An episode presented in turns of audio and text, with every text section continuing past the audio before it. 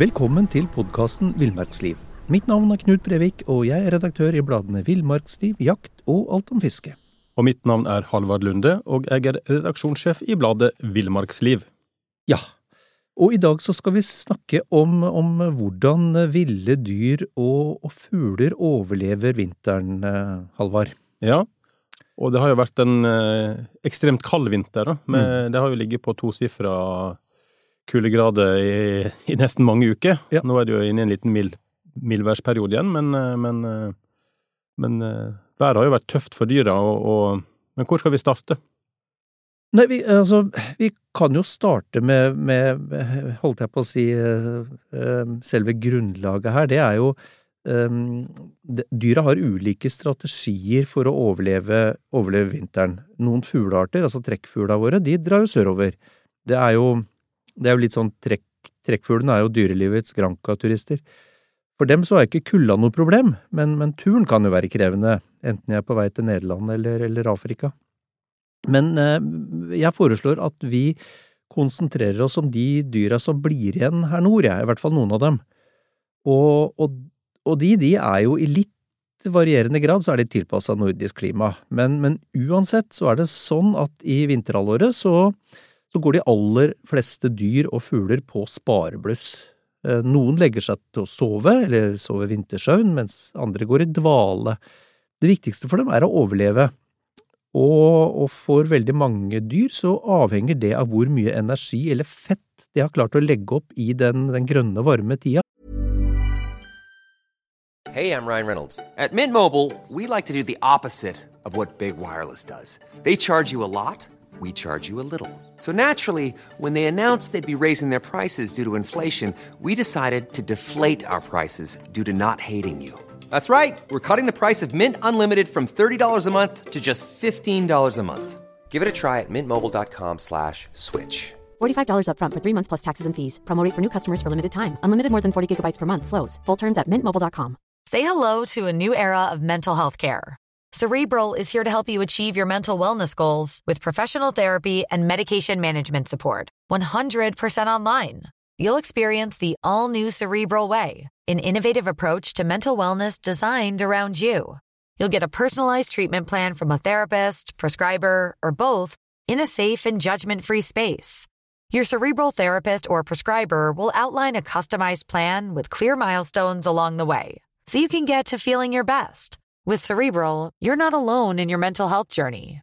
We're here to empower you to live a fulfilling life. So take that first step towards a brighter future and sign up today at cerebral.com slash podcast and use code ACasts to get 15% off your first month. Offer only valid on monthly plans. Other exclusions may apply. Offer ends July 31st, 2024. See site for details. Og I så har jo dyr og fugler utvikla en, en rekke metoder for å. Overleve i kulda, så, så, her er det mye å, å ta fatt i, Halvard. Så, så dyra er motsatt av oss, da? De jakter på vinterkroppen, mens vi jakter på sommerkroppen? Ja, det, det er riktig! Dyra jakter på vinterkroppen også. ja, ja. ja. Men eh, hvis vi kan begynne med, med Kan ikke vi begynne med elg, hjort og, og rådyr, da? Jo, det kan vi gjøre. De, eh, altså både elg og hjort og rådyr, de går jo gjennom en fantastisk endring, egentlig. De går altså fra et overdådig matfat om sommeren, med, med grønne planter og vekster, og det, virkelig så hvor de kan fete seg opp, altså. Um, og så slår de om til kvist, uh, en langt magrere og, og, og skrinnere kost, og, og, for elgens del så skjer det gjerne litt utpå høsten, når snøen legger seg.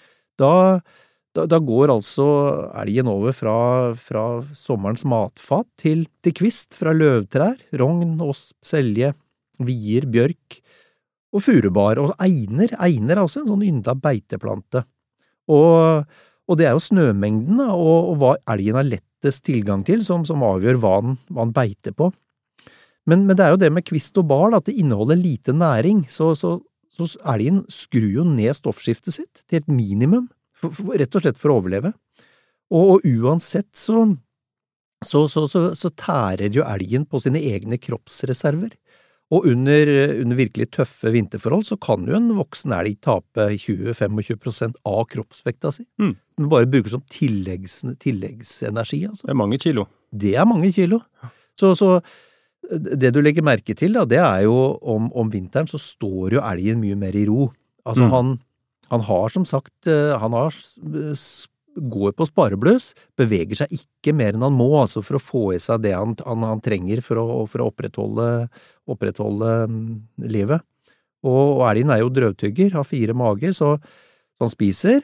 Og, og så legger han seg, så gulper han opp igjen små porsjoner og fintygger maten da, for å få maksimalt ut av, øh, ut av hver, hvert tygg, holdt jeg på å si. Ja. For hele elgens fordøyelsessystem er jo lagd for å kunne bryte ned tungt fordøyelige fibre. Um, så det er jo Og med kulda, da, bare for å nevne det, det er jo ikke noe problem for elgen. Den, um, den tåler både 30 og 40 minus uten, uten egentlig noe som helst problem. Varmen derimot, den, det kan være trøblete for elgen, men det, det, er jo ikke, det er jo ikke temaet her. Men du, apropos elgen, så det var en som enten skrev eller sa i en avis her for litt siden at eh, en av grunnene til at elgen eventuelt går i skiløypa Mm. eller på veien, er jo for å spare energi. Ja, og det er jo helt riktig. Ja. Det er lettere å gå der, rett og slett. da. Mye lettere å gå. Så, så det, det, når det er veldig mye snø om, om vinteren, eh, så, så vil det jo, spesielt sånn i villaområder og sånn, Mm. i randsonen av byene, og da vil de oppleve at både elg og rådyr trekker, eh, trekker ned mot, eh, mot, mot folk, og bruker veier og skiløyper for å gå, for der bruker den mindre energi, og elgen, i likhet med alle andre dyr og fugler om vinteren, er ekstremt opptatt av ikke bruke for mye energi, for Mm. dette er et hårfin, en sånn hårfin balanse. Mm. Men hvis vi skal over på, på hjorten, da. Så vi vestlendinger, vi har jo eh, Altså, der er jo hjorten har jo samme plass som elgen på Østlandet, da. Ja. Og, og det finnes det jo i overflod, i enkelte kommuner i hvert fall. Mm, mm. Men eh, hvordan takler hjorten vinteren, da? Og, og vinteren vestpå kan jo være ekstremt vari, variabelt, da. Fra du kan jo ha 15 varmegrader i januar til, til minus 15 grader. Så, Ja. Nei, altså I hovedsak så er det jo samme strategi som elgen har. Den, den, den eh, går på sparebluss, eh, og, eh, og den er også en drøvtygger, godt, som er godt tilpassa norsk vinter. Og, og, og i likhet med, med, med elgen, da, så legger den jo opp håret sitt etter, etter vær, og, vær, og vær og sesong. Så det, det hjorten gjør, som våren, da, så trekker den etter, etter planteveksten, egentlig, oppover og innover i fjellet. Og, og sånn sett så beiter den hele tida på de mest næringsrike plantene, da, og, og de nyeste skudda. Og, og blir jo eh, feit og fin eh, Mm. i, løpet av, eh, i løpet av sommeren. Og høsten så kommer den andre veien. Det er sånn trekk ned fra fjellet, da. Og, og det er gjerne trigga av snø og snømengde. Eh, og da trekker den ned fra fjellet og for å være i mer sånn kystnære områder om vinteren. Der er det mindre snø, eh, og det krever naturligvis eh, mindre ressurser av hjorten, ikke minst med tanke på bevegelse. Og, og han også endrer, endrer jo da inntaket av føde til, og, og, og beiter da mer på lyng, knopper og kvist, som utgjør en mye større del av fødemengden da, på, på vinterstid. Mm. Um, og så er det jo det med, er det jo det med, med, med hjorten, at han eh, den kan jo ha store leveområder om sommeren, men det begrenser den veldig om vinteren, da, hvor det, og det, det resulterer i at du kan ha store ansamlinger av hjort, egentlig på veldig begrensa områder Mm. om vinteren. Og, og senhøsten nå kan du jo på jorda se eh, altså 50-talls, kanskje 100-talls Ja. hjort samla på én plass, altså. Ja, ja. Så hvis en eh, ikke har sett det før, så, og er på Vestlandet, i en hjortekommune seint på høsten, så ta en biltur i sånn i to-tre-tida på natta, altså det, eller tidlig på morgenen, så Da ser du mange blinkende øyne. Ja, det er helt, det er helt vilt, altså. Det er helt vilt. Og så har vi han som, eller den som er minst, det er jo, um, er jo um, rådyr, da. Av, av hjortevilta så er jo det det minste dyret, da. Ja. Og, og rådyr er litt, er litt en annen historie, for det, det er jo ikke spesielt godt tilpassa mye snø og kulde, med de små, tynne klaua sine og forholdsvis tynn pels òg.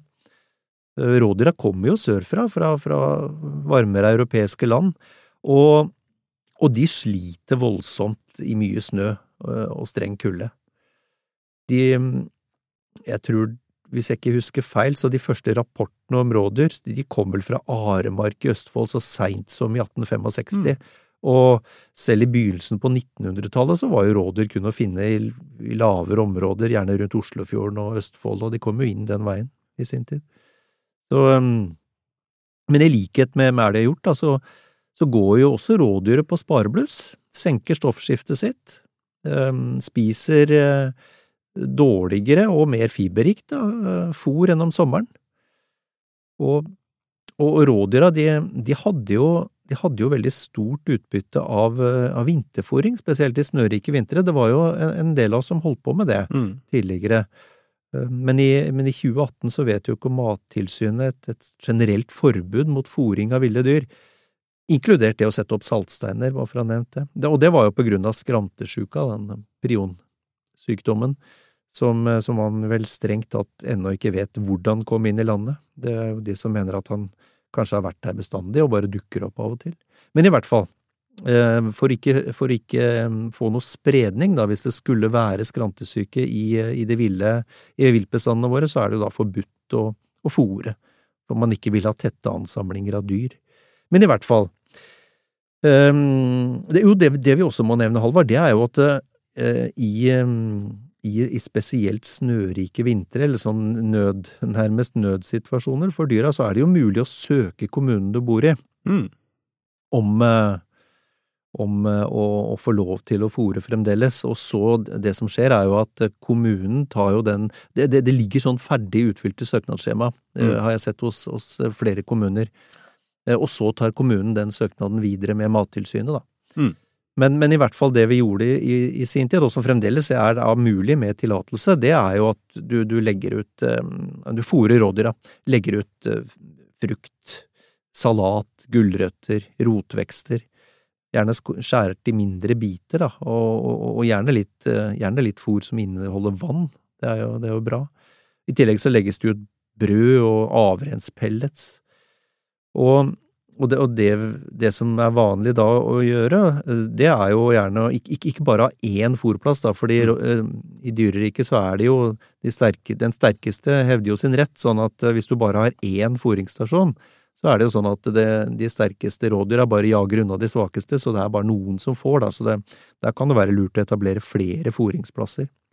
Og, og hvis du gjør det, så gjerne tenk på at du du legger det um, sånn til at det ikke um, gjerne, gjerne, med litt oversikt rundt, sånn at det ikke Du ender opp med å få en foringsplass for gaupe isteden. Ja, ja. uh, Men altså, Gauper må jo ha det lett nå på vinteren, for da er det jo, det er jo lett å fange et rådyr. Ja, ja, ja. Det kommer seg jo ikke unna. Ja, og, og det, er jo, det, er jo, kanskje den mest For, for rådyra, den aller mest dødelige kombinasjonen som fins, det er jo mye snø og, og, og, det å være i et gauperevir. Mm. For gaupa glir jo ganske greit opp på snøen, hvis du ser på de brede, brede mm. lammene. Sånn at um, den kombinasjonen, mye snø, streng vinter og gaupe i området, da, da, står du foran en ganske stor reduksjon av, av rådyrbestand. Mm. Uh, jo, en annen ting også, hvis man skulle få tillatelse til å etablere en fòrplass, det er jo gjerne å kjøre opp med en ATV eller traktor, eller kjøre noen, noen ulike stier, da, mm. eh, eller sløyfer eller leder eller løyper inn mot disse forings, eh, foringsplassene. Mm. Men er det noe vi kan gjøre for å hjelpe elg og hjorter gjennom vinteren? Eh, altså det, det, viktigste vi kan, eh, kan, gjøre, er egentlig la dem være i fred. Mm. Eh, holde, holde bikkjene i bånd. Hvis du ser elg eller hjort, så ikke, ikke nærm deg. Legg veien utenom. Altså, de er jo de, de, er jo tilpassa et, et, liv, et tøft liv i Norge vinterstid, og vil jo som en mm. hovedregel klare seg. Um, men det de ikke trenger, det er å måtte ta den derre løpeturen unna deg eller bikkja di mm. uh, i februar-mars, hvor, hvor reservene begynner å gå mot null, altså. Mm. Og, det er vel derfor du ikke skal nærme deg rådyr også, som står i hagen din, altså, eller som, som, har gjerne lagt seg ned i tillegg. Og, ja, ja. Det er for å spare krefter og La de, ja, og dette har jo vi snakka om før, men, men, det er liksom det er største, en av de største misforståelsene, misforståelsene, det er jo når rådyra står helt stille i, i sånne litt bynære områder, og folk, folk, nærmer seg dem og kan gå nesten helt inntil dem, mm. og så tror de at de er tamme. Men det er jo ikke det, men de, de, er, de er, jo så skrapa ja. at de vurderer hvert steg de tar. Mm. Det, er sånn, det, er sånn, hårfin balanse for å komme seg gjennom vinteren, og en sånn ekstra løpetur, da, fordi, fordi folk har vært eh, tankeløse, eller fordi de har eh, ikke hatt bikkjene i bånd, så bikkjene begynner å jage på dem. Mm. Det kan være akkurat det som skal til for at de dauer. Mm.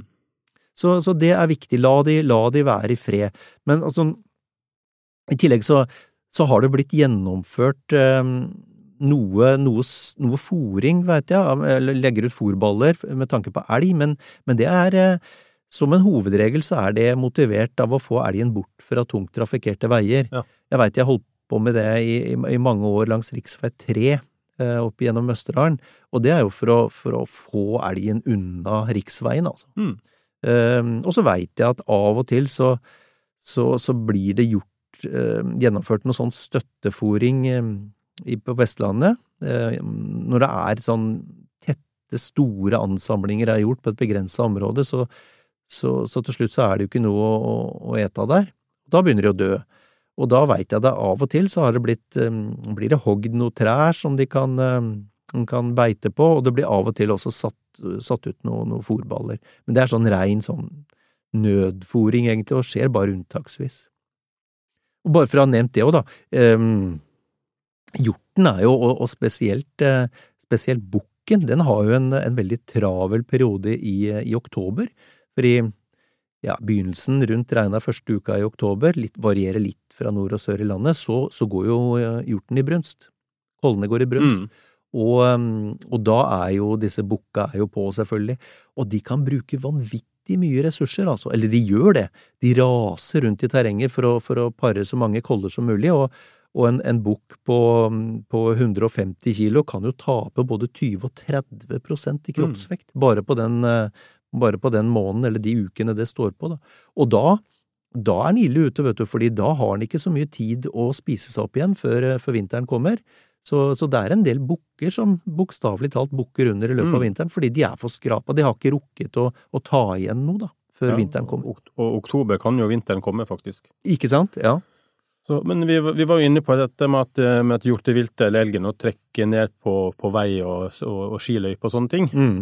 Men, men, eh, det virker jo også som det er oftere å se i nærheten av folk, altså i, i, ja, i boligfelt som vi er inne på, rådyra kommer ned og sånt. Ja, ja. Uh, ja, det, det, og det er, jo, det er, jo, ofte det, da. Det er, som vi var litt inne på, sånn i forhold til det med snømengden. Mm. Så, så, det er jo en, en, en, grunn til at vi, vi, ser dem oftere i, i, gjerne bynære områder og i områder hvor det er folk. Da, at de, de følger De, de spar, velger å spare de ressursene på å gå og mase i dyp snø, heller gå langs, langs vei og skiløyper. Mm. Og så jeg tenker at hvis det ikke er, ikke er eh, en, en, fare for unger eller andre, så, så, la dem, hvis det legger seg eh, elg i, i bakhagen din, eller, mm. eller rådyr Rådyr er jo ikke noe fare uansett, men, men, men la dem ligge. Altså, det, er noe, det, er ikke noe, grunn til å drive og jage på dem hvis de ikke er noe hinder for folk eller fare for trafikk osv. Mm. La dem ligge. For de, eh, de ligger bare og, og prøver å overleve, de. Eh, og så vil de i løpet av den, eh, kanskje i løpet av allerede i løpet av samme natt, så vil de trekke unna, men, men la dem være i størst mulig grad. Det er det vel egentlig det beste man kan gjøre når det kommer til hjortevilt og, og det vi kan bidra med for, å, for, at de skal overleve. Og dette med ekstraordinær båndtvang, det er jo også et sånn administrativt grep da vi gjør for å, for å minske belastningen på hjortevilt ja. i, i snørike perioder. Ja, for, for, nå er det jo en del kommuner som har innført det akkurat nå i, i år, da. Ja, ja. Men jeg tenker på, vi var inne på elgen her, som, er ikke det elgen som trekker ned i hagene på høsten for å spise nedfallsfrukt og sånt? òg? Jo da, det, det, gjør den også, og det, det, er jo en litt annen utfordring. For da, da kan de jo, hvis det er gjæra frukt, så kan de jo bli berusa. Og det er som alle andre, det er alltid noen individer som ikke tåler beruselse. Nei, da blir det, da går det galt. Da går det gærent. Men, eh, men nå har vi jo snakka om dyr som er våkne på vinteren. Ja. Men det er jo noen som går og legger seg, da, ja. og sover stort sett hele, hele, den kalde tida. Ja, og det er jo også en, en strategi, altså. Mm. Eh, de, de, sover seg gjennom eh, deler eller, eller, eller hele vinteren. Og de fleste, de fleste, sover jo vintersøvn. Det er jo det er forskjell på vintersøvn og dvale. Eh, og de fleste sover vintersøvn. Mange tror jo at bjørn går i dvale, men det gjør den ikke. Den, den sover i likhet med grevlingen, for eksempel, så sover den vintersøvn. Mm. Og under vintersøvn så, så, går hjertefrekvensen ned, eh, eh, sammenligna med altså ned til ja, 15 slag i minuttet, sammenligna med normalen på 60–70 slag i minuttet. Og bruk av oksygen og næringsstoffer det går ned til omtrent 30% av normalen. Så vinter, vintersøvn det er en eh, inaktiv tilstand da, som enkelte dyr tilbringer vinteren i. Og under vintersøvn så, så synker kroppstemperaturen litt, men ikke så veldig mye, kun noen grader, i motsetning til, til det som skjer under dvale, da. Det er en mer sånn drastisk forandring. Men ja øh, og, og, og, vi snakker om bjørn og, og, grevling, et annet dyr som også øh, kan faktisk sove vintersøvn i kortere perioder, det er jo ekornet. Mm. Da, da, sparer de jo energi, og de, de, slipper jo å bruke så mye fra lagra sine. Ekornet hamstrer jo frø og nøtter, det er veldig sånn holdbar mat, og de hamstrer det i depoter som de gjemmer på bakken og forsyner seg med utover vinteren. Eh, eh, bare for å, mens vi er på, på ekornet, de, de, bor jo gjerne i bol, eller sånn hulrom i trærne. Ja, De bor eh, flere sammen? Ja, og det er det de gjør. Um, I tillegg til, til, til, det å sove, da, så, så, en annen strategi det er jo at de varmer seg på hverandre. Ja. så de, de, de, ligger, de, ligger, da flere i, i samme bol og, og, har glede av hverandres varme, i tillegg til at de da skrur ned energibruken mm. gjennom denne søvnen. Men, men dvale, jeg var inne på det, det er jo mer sånn drastisk, fordi eh, da, da, skrur du, da, skrur du, nesten av alt. Mm. Og flagg, det er flaggermus, gjelder det jo det for pinnsvin, og bjørkemus, eh, insekter, amfibier og reptiler, de tilbringer eh, den kaldeste delen av vinteren i en dyp søvn, eh, det vi kaller dvale, og da kan kroppstemperaturen synke til bare noen få grader over frysepunktet. Og i den tida hvor dyret ligger i dvale, så, så Ryan Reynolds here from Mint Mobile. With the price of just about everything going up during inflation, we thought we'd bring our prices down. So to help us, we brought in a reverse auctioneer, which is apparently a thing.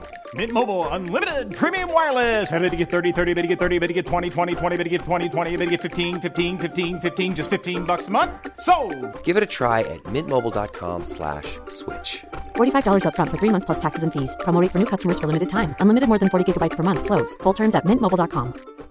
Hey, I'm Ryan Reynolds. At Mint Mobile, we like to do the opposite of what Big Wireless does. They charge you a lot we charge you a little. So naturally, when they announced they'd be raising their prices due to inflation, we decided to deflate our prices due to not hating you.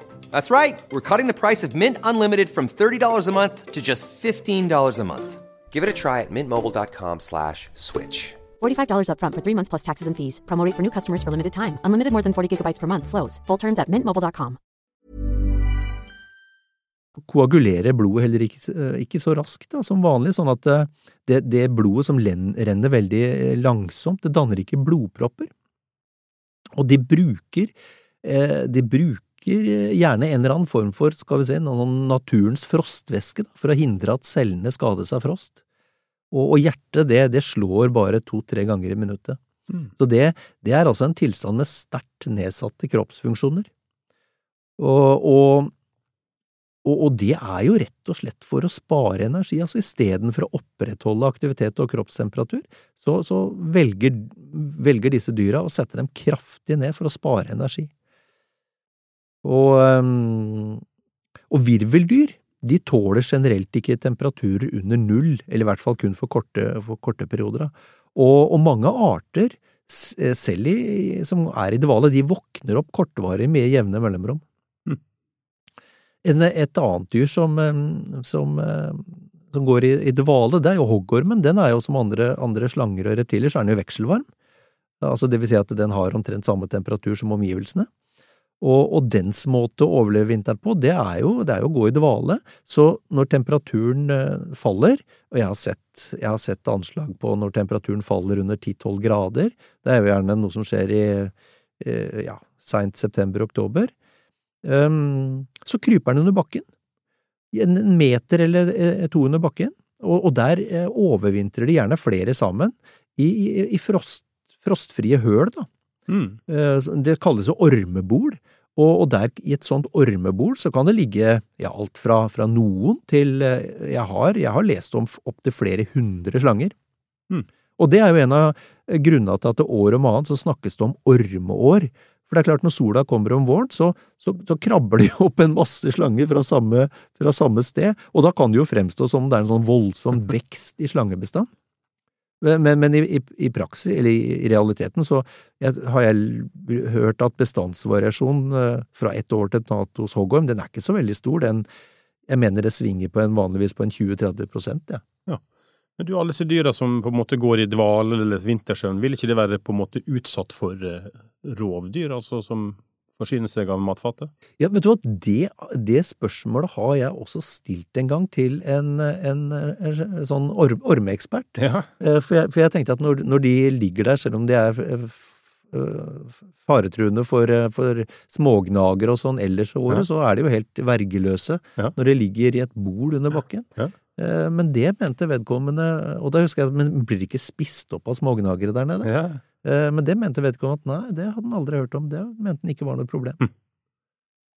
Men vi må eh, snakke litt mer om eh, småfuglene, og de har jo, fører jo en kamp mot kulda, da? Det gjør de definitivt, og uh, en, som, en som forska mye på det, og som også har skrevet en del, var um, tidligere professor i, i, zoologi ved NTNU, Olav Hogstad. Og altså, han skrev flere artikler òg, blant annet en i gemini.no, sånn forskningsnettsted. Um, om, om småfuglenes strabaser da, for å overleve vinteren, fordi de har det tøft. Og, mm. og det er virkelig en, en, kamp det, fra dag til dag, hvor de må spises opp. Um, og, og det, dette, er jo, dette, er jo, små fugler, altså minste er fem–seks gram, opp igjen ti–tolv gram. Og noen av dem må spise seg opp så mye som 10% i kroppsvekt, og helt opp mot 20 i, i unntaksvis, i kroppsvekt hver dag for å overleve natta. Og det har jo, har jo, de fleste av oss opplevd. og Etter beinkalde vinternetter så er det ikke så uvanlig å finne død småfugl under trærne, eller, mm. eller i um, fuglekassa, for, for, den saks skyld. Og, og, det er individer som ikke har klart den hårfine balansen mellom liv og død som et døgn om vinteren er for mange fugler. Det er, det er faktisk en eksistens helt på grensen av hva som er mulig. Og stjertemeisa, eksempelvis, den veier jo kun en åtte–ni gram er nødt til å spise seg opp ti prosent hver dag for å komme gjennom natta. Og de, de, den er spesialisert på insekter året igjennom, eh, og må da bruke de få lyse timene til å finne insekter også om vinteren. Så den har jo ikke noe utbytte av, av det du legger ut på fuglebrettet eller fôringsautomaten. Mm. Og om vinteren er det jo litt, litt færre insekter enn om sommeren. Vanskeligere tilgjengelig, ja. ja. Så det er en tøffere jobb, sikkert. Ja. Men øh, øh, så småfuglene er egentlig avhengig av å finne mat da, i, i vinterskogen, eller i, i mer åpent kulturlandskap? Ja, det, det er det. Um, men det er, jo, det er, jo, ulike strategier for å overleve der òg, da. Altså granmeisa eksempelvis, den hamstrer, mm. og den legger seg opp små lagre av frø, insekter og edderkopper til å spise om vinteren. Og den må også spise seg opp om dagen, og, og med sine ti–tolv gram så betyr det at den, den må jobbe knallhardt for å få i seg nok hver dag. I tillegg så senker granmeisa kroppstemperaturen, Uh, og jeg har lest opp til at, at den senker den med opptil 10 grader, altså fra mm. 42 ned mot 32 grader. Og, og, dette er jo litt sånn Jo høyere temperatur uh, uh, dyr skal ha i kroppen, jo mer må de fyre eller forbruke energi. Um, så det å senke temperaturen i kroppen med noen grader, det er, kan være det lille bidraget som skal til da, for kanskje å overleve. For det vi snakker om, vet du, Halvard, det er ja, det er, er fem–seks timer kanskje, med litt lys og kanskje en solstråle mm. om dagen, og så snakker vi om 18–19 timer med mørke og kulde om natta. Så dette er en, dette er en knallhard tilværelse, altså. Mm. En annen og litt større fugl, er nøtteskrikka. Eh, den, den, den hamstrer jo også, eh, og lagrer mat. Eikenøtter, korn, og annet som den lever av utover vinteren. Og det, det betinger jo en viss, viss, hukommelse, da. Eh, men som vi har vært inne på tidligere i den podkasten her, så er jo nøtteskriket en kråkefugl, mm. og, og, kråkefugler er jo de smarteste fuglene vi har. Vi har jo snakka om ekorn òg, at, at, han skulle ha så god hukommelse. Men var Ja. ikke det sagt der at det er bare flaks? Altså han, han gjemmer på så mange plasser at eh, Jo, han, han snubla over er Tilfeldighet. Ja, for det, med, med fare for å, å fornærme ekornentusiaster Det er veldig, det er jo fantastisk dyr. Ja, Men det er kanskje ikke det smarteste dyret. Jeg tror nok, eh, og det har jeg også, det har jeg også lest, at det er nok noe mer tilfeldig hva han finner igjen og ikke finner igjen, ja. Ja. Av, av, av matdepoter. Ok, vi har vært innom mat, men hva slags andre mm, strategier har småfuglene for å overleve når det er som det på det kaldeste? Um, De ferdes i flokk, um, mange, mange av artene. Altså det å ferdes i flokk, det er jo en, en klassisk måte, eller klassisk strategi, da, for å Ja. øke mulighetene til å overleve. Uh, og det er flere grunner til det, men ved å være i flokk, så er det jo det er flere par øyne som kan få øye på rovfugler som truer, og det er også flere par øyne som kan få øye på matkilder. Mm. Og, og sånn rent matematisk så, så er det klart at du har jo større sjanse for å være den som ikke blir angrepet av ei ugle, for eksempel, da, hvis du er en av mange. I hvert Mm. fall når vi tar for gitt da, at antall rovfugl i et område er konstant, eller mer eller mindre konstant. Så, så er, det, er det mange av dere, så er sjansen for at akkurat du skal bli tatt, mye mindre enn om du ferdes aleine. Mm. Det er vel det vi har vel vært inne på det før, det her med kråketing. Ja. Sånn at du ser kråkene samle seg eh, i flokk i fem, seks, sju-tida på kvelden, og Ja. så flyr de og, og, overnatter i samme trene. Ja, ja. Det er litt fascinerende. Og, og, og dette med flokk, eh, det har vi jo snakka om mange ganger før, Halvard. Dette med, med, med flokkatferd, det er noe som, som, som gjelder også pattedyr. Ja. Altså, da- Og fiskestim er vel samme, samme greie, at du skal unngå rovdyret. Ja, og, Ja. og mennesker. Altså, vi går i flokk, vi òg. Legg merke til det. Ja. Uten sammenligning for øvrig. Men eh, har de flere triks i, i, verktøykassa de kan bruke dyra? Ja, småfugla har mange triks i, i, i verktøykassa, og siden energibruken den er helt, helt i ytterkant av hva som er mulig, så, så teller absolutt alt. Og, og du kan legge merke til at når det er litt sol en vinterdag, så er det mange småfugler som oppholder seg i Altså, de, de, de, de går etter sola. Mm. De på, holder, seg, holder seg i sola, for da får de litt energi gratis. Eller i praksis så, så slipper de å bruke så mye energi som om de oppholdt seg de få timene med dagslys i skyggen, da. Og, og det samme gjelder når det blåser.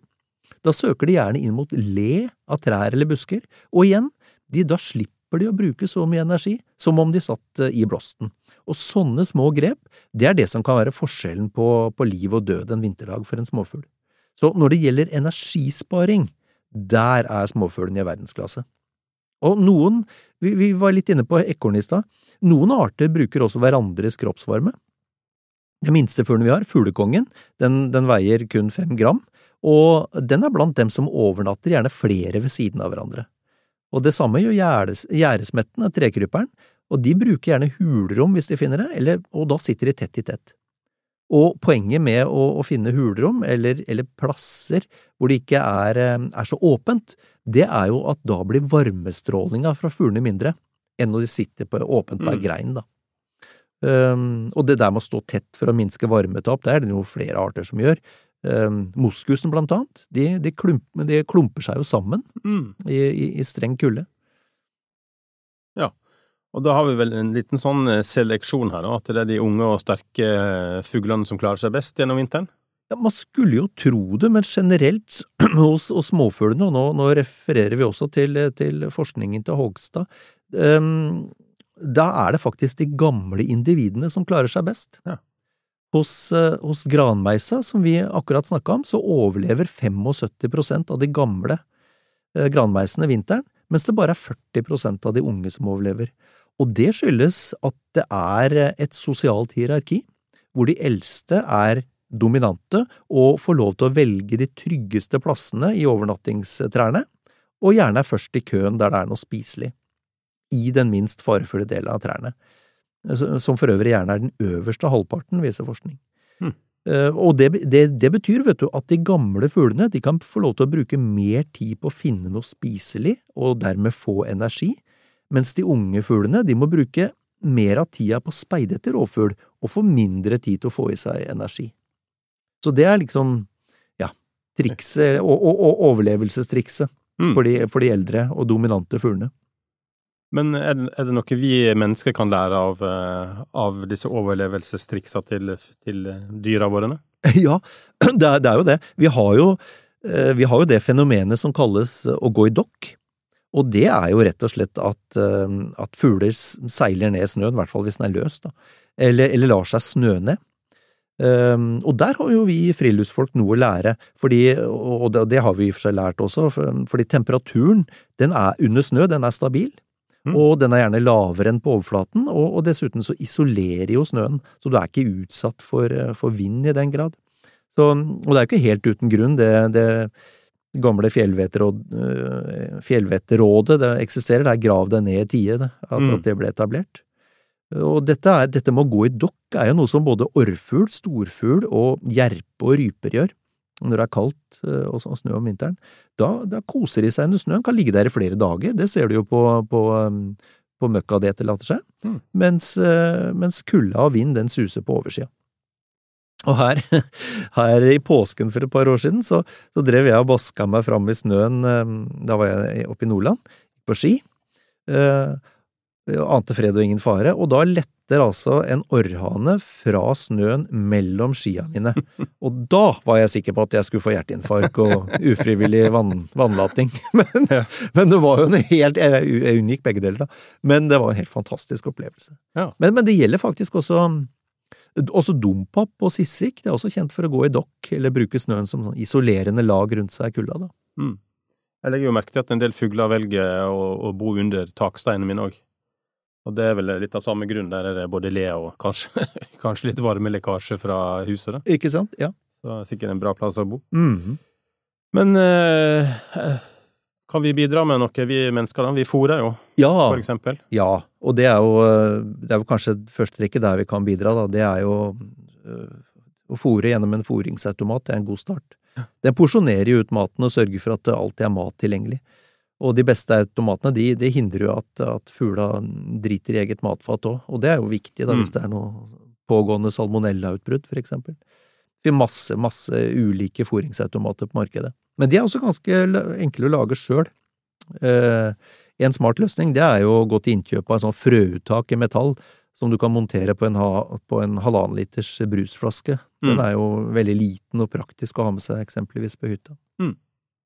Er det noe en skal tenke på med når vi plasserer fôringsplassen til, til småfuglene? Ja, altså plasser det sånn, eh, sånn at det ikke ligger, står helt for seg selv på et stort åpent område, for da blir det veldig utsatt for, for rovfugl. Men plasser det nær trær og busker. Eh, Og så har jeg mente det med katten. Det går jo an å holde katten inne. Ja. for det har jo vært en sak i media siste år at katten skulle i båndtvang og greier, for den tok eh, et antall million småfugler i løpet av året. Ja, altså jeg har sett anslag, anslagene varierer jo, men bare i Norge så er det jo snakk om et sted mellom fem og sju millioner småfugl. Ja, det er ekstremt. Vanvittige mengder. Ja. Så jeg skal ikke ta stilling til om, man, om folk bør ha katten sin i bånd, men, men, men eh, det er et rovdyr. Ja. Og, og den har en ganske stor påvirkning på, på naturen, og ikke minst småfuglbestandene, så, så jeg, jeg tenker at folk med katter kan ha det litt i mente, altså. Mm. Men i hvert fall, vi var inne på det her med fôringssted. Ja, øhm, plassering er viktig. Eh, Og hvis du ønsker å unngå at ekorn eh, eller, større fugl, kråkefugl for eksempel, forsyner seg av fôret, så kan du jo lage et sånt fôr, fôringsbur av metallnetting.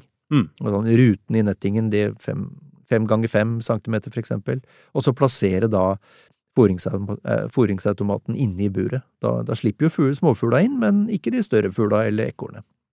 Det er bare å søke litt på Instagram og Ja. sånn, så finnes det masse folk som har laga masse fancy sånne fugle... Matstasjoner, da. Ja, ja. Med både LED-lys og vindu med gardiner, det er ikke måte på. Ja. Men, eh, men eh, hva bør stå på menyen?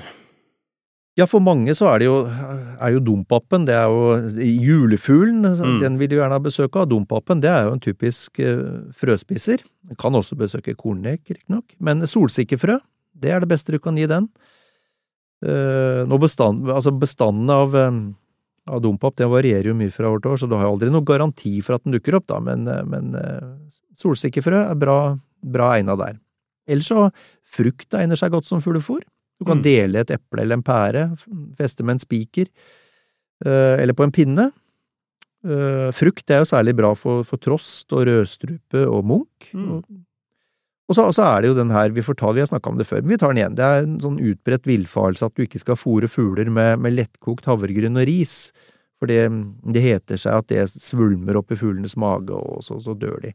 Men, men det fins ikke noe dokumentasjon på det, så vidt vi har sett, så, så det kan du trygt legge ut. Ellers kan du bruke halve kokosnøtter, det er mye fett og fint, talg, meiseboller, eller fettkuler. Du kan jo lage, lage sånne meiseboller sjøl òg. Ja. Mm. Uh, har dette noe for seg, sånn praktisk sett, i de store sammenhenger, eller er det noe vi gjør bare for vår egen uh, dårlige samvittighet, altså for å um, gjøre en god gjerning, da? Begge deler, tenker jeg. Det er jo, det er jo hyggelig å gjøre noe for småfuglene. Det er jo hyggelig å kunne se litt ulike arter i hagen og Uh, og så hjelper det ikke noe tvil om det. Um, de, de fugla som holder seg i området ditt, de har naturligvis glede av fôringa. Mm. Uh, og kanskje er det akkurat det lille som skal til da, for å få dem gjennom den knallharde vinteren som vi har snakka om. Og, og, så skal man ikke ha så fryktelig dårlig samvittighet hvis du må bort en dag eller to, eller en uke eller to for den saks skyld. Så fuglene, de er overlevelseseksperter, mm. så de finner raskt andre fôringsplasser. Mm har lagt merke til at de, de er veldig aktive på altså tidlig på dag, ja. Midt på dagen, en pause, og så rett før solnedgang igjen, så kommer de tilbake og, og spiser seg opp igjen. Også. Ja, det er kveldsmåltidet. Så det, ja, ja. så det, de har en strategi rundt det. Og, mm. Da skal de gå i, i, i Dere skulle til å ta natta på en kvist? Ja, ja. Kanskje vi sånn avslutningsvis eh, skal si litt om, om fett også, Halvard? Ja, Syns du snakker av erfaring, eller? ja, ja, ja, jeg, mer, jeg merker Nå er jeg spent. Nå er jeg spent. Ja, jeg merker jula. men, men det, derfor det er vel sånn at eh, fett, fett er bra for overlevelse i kulda. Um, og, og brunt, fest, eh, brunt, eh, fett, det er det beste. Ja. Fordi brunt fettvev, det er forskjell på, på fett. Vi har det er hvitt og brunt, og brunt fettvev, det kan omsettes til varme. Fordi kroppen har to typer lagre med fett. Det er hvitt fettvev, som er sånn lager eh, fra overskudd av fett og karbohydrater. Og så har du brunt fettvev, og det er spesialisert til å produsere varme.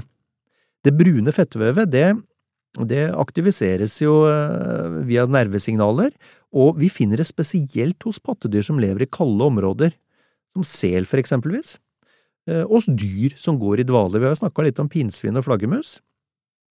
Og, og, og, de har forholdsvis store deler med brunt fettvev. Men vi finner det faktisk også hos mennesker, og, og noen mennesker er genetisk predisponert eh, til å, å, forbrenne overskudd av matinntaket i form av brunt fettvev. Og jeg mener også å ha sett noe om at det er mer forekommende hos mennesker eh, som lever i, i, i kalde arktiske strøk, som hos inuittene. Ja, det, det tror jeg stemmer. Og så har det jo vært en sånn diskusjon sist, eh, det her med, med kalde bad eller kalde dusjer. Ja. har jo gått og det jo en, har jo vært en sånn teori på at, uh, at det brune fettet er sunnere, og ja. at, uh, at, en del av helsegevinsten med disse kalde bada, kalde dusjene, er at du får en større Aktivisert det. Ja, får aktivisert og får en større andel av det brune fettet. Mm. Mm. Neimen, bra. Um, skal vi si at det var det vi rakk i denne omgangen her, Halvor? Ja. Da ønsker vi folk en strålende uke videre.